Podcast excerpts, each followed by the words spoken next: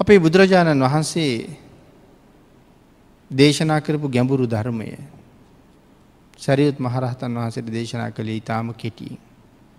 නමුත් භාගිතුන් වහසේ පෑගානක් කරපු දේශනාව සැරියුත් මහරහතන් වහසට කෙටියෙන් කරහම උන්වහසේක අවබෝධ කළා. අපේ අයි දන්නවද ආනන්ද ස්වාමීන් වහන්සේට කොයි තරං අවබෝධ කර ගැනීමේ ශක්තියක් තිබුණද කියලා. අපේ බුදුරජාණන් වහන්සේ එක වචනයක් දේශනා කරහම යග්‍ර උපස්ථායක වෙනකොටම ඉල්ලීම් කීපයක් කලාන මං උපස්ථායක තනතුර භාරගන්නම් හැබැයි මගේ මේ ඉල්ලීම් ටිකට සවන්තෙන්ට.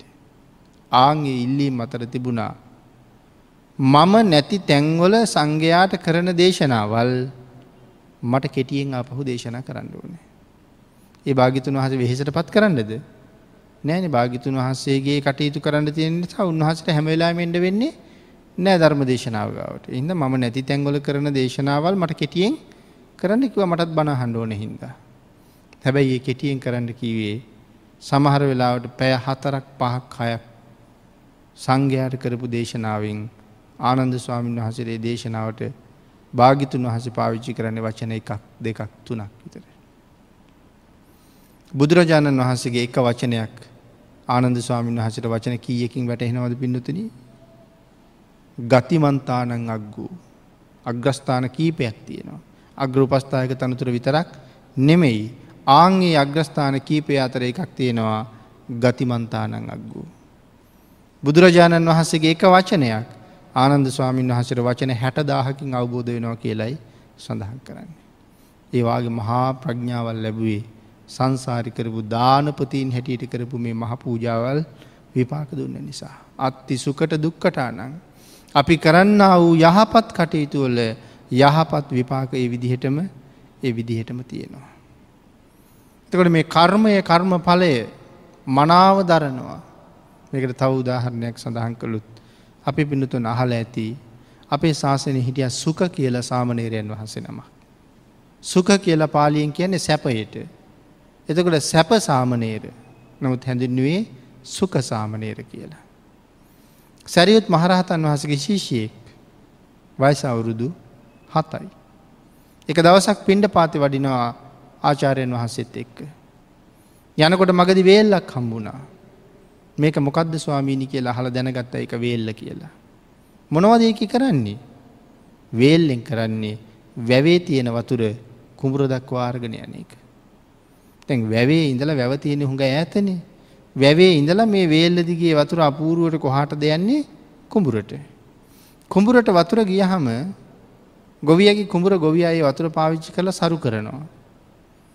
එතකොට සරුවස්වැන්නක් ලැබෙනවා. ඒ සරුවස්වැන්න ලබන්ඩ ප්‍රධාන සාධකයක් වුණේ වතුර. දැන් ගොවිය සතුටුවනි. ඒ සතුටුනේ හොඳට වතුර තිබ්බ හින්දා. තැන් පොඩි හාමුදුරු සැරියුත් මහරහතන් වහසගෙන් අහනවා ස්වාමීණී වැවේ ඉඳලා ගොවියගේ ලියද්ද දක්වාම මේ වතුරට යන්ඩ ඒ වතුරට හිතක් තියෙනවද කියලා. රාතන් වහන් සඳහන් කළ නෑ සාමනීරේ. වතුරට හිතක් නෑ ගොවිය තමයි තමන්ට ඕන හැටියට ඒ වතුර කීකරු කරගත්ති.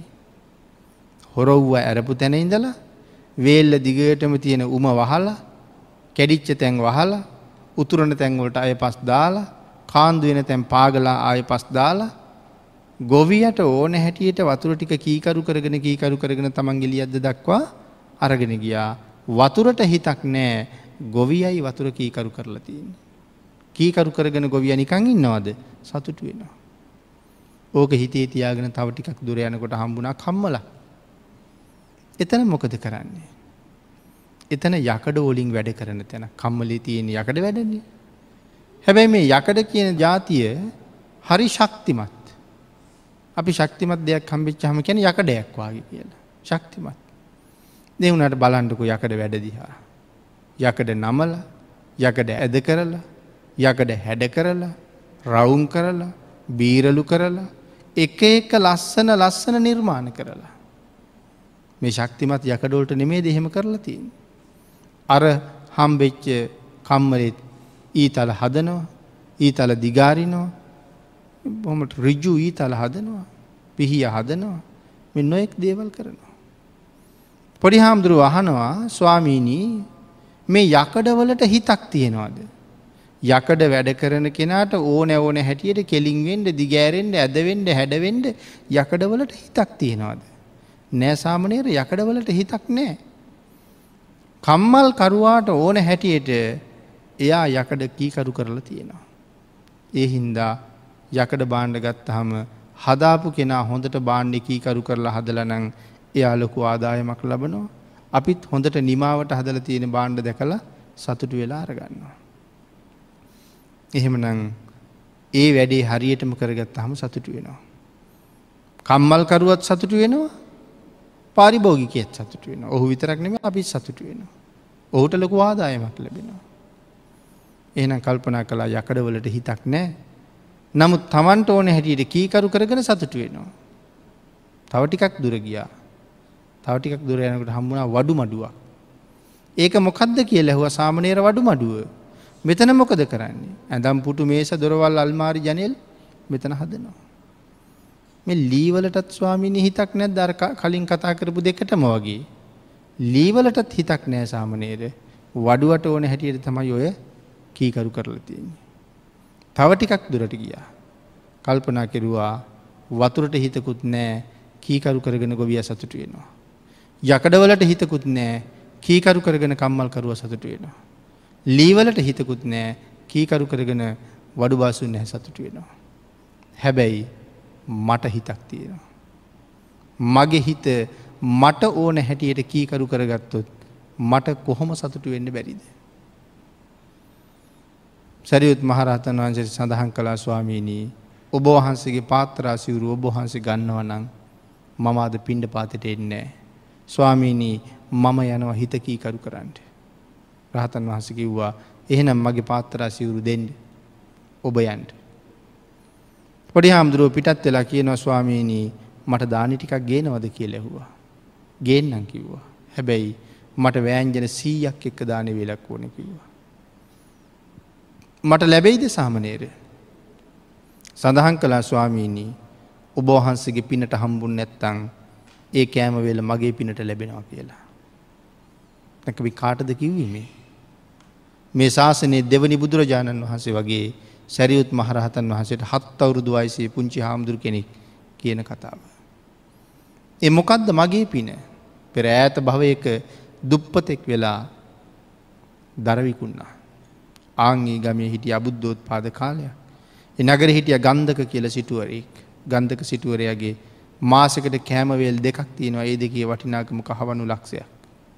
එක දවසක් මේ කෑමවේල කනතැනට මිනිස්සු යනවා කෑම කනවා බලන්න අඩබෙර ගහල ගෙන්න්නන්නේ. මේ අහිංසක ඇත් ගියා දරයකුණ එක පැත්තක දාලා. එදා කිවානේ මටත් කෑම වෙලා කෑම කටත් දෙන්න කියලා. දෙන්න බෑකිව්වා. කෑම කටක් දුන්න ඇත්තම්ම මැරෙනවා කිව්වා. කරන්න දෙයක් නෑ මැරුණත් දෙන්න බෑකිව්වා.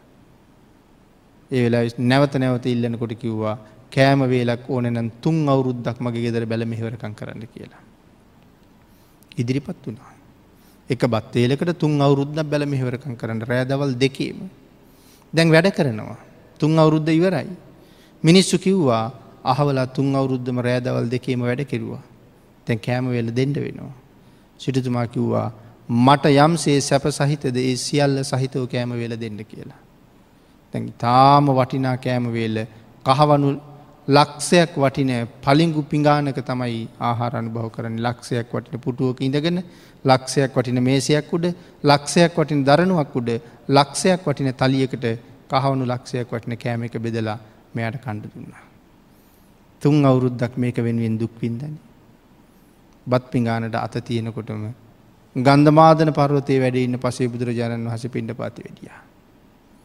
අපේ හිත කොහොම වෙයිද දන්නේ.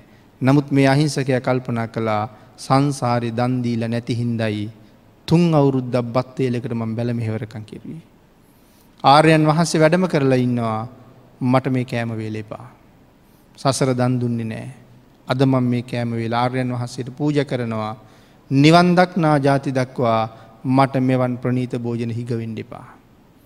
එහෙම්මම නැගිටලා ගිහිල්ලා බත්තික ඔක්කොම පාත්තරයට බෙදවා පිනතුන එක බත් ඇටයක් දිවාග තියල රස බලන්ඩවත් හිතුනේ හිතුනෙ නෑ. එහෙනම් කර්මය කර්මඵල විශ්වාසය කොච්චරද මෙලවින් දුන්නහම මට පරලොවින් හම්බ වෙනවා. මං කරන මේ යහපත් ක්‍රියාව නිවන් දක්නා ජාති දක්වා මට හේතු වෙනවා. බුදුරජාණන් වහන්සේටත් දානය ටික බෙදෙනකොට කිව්ව භාගයක් බෙදෙනකොට ඇති කියලා. සඳහන් කලා ස්වාමීනි මෙලවින් සංග්‍රහයිපාමට පරලෝටම සංග්‍රහ කරන සේක්වා සියල්ලම පිළිගන්නා සේක්වා කියලා ඉතුරු වෙන්න බත්තර ටිකත් පිහළම පිළිගන්නවා. මොන්න තරං කර්ම පල විශ්වාසයක්ද. අබුද්ධෝත් පාද කාලීක. අත්ති සුකට දුක්කටානං කම්මානං පළං විපාකෝ. මේ කරන හොඳ විපාකවල සැප සහිත විපාක අපිට තියෙනවා කියලා පිළිගැනීම හරියටම දැරුවනං පසේ බුදුරජාණන් වහසේ වැඩ ඉන්න කාලය අය මෙලොවතුරා භාග්‍යතුන් වහසගේ ශාසනය ඇතුළේ ඒක ප්‍රගුණ කරන්න අපිට තියෙන බාධාවමකක්ද. ආගේ නිසා ශ්‍රේෂ්ඨ ජීවිතයක් පෝෂණය කරගණ්ඩ මේ සම්මාධිට්්‍යයට ඇතුල් වෙන එක අත්‍යවශ්‍යමයි කියන කාරණාවයි මේ සඳහන් කළේ.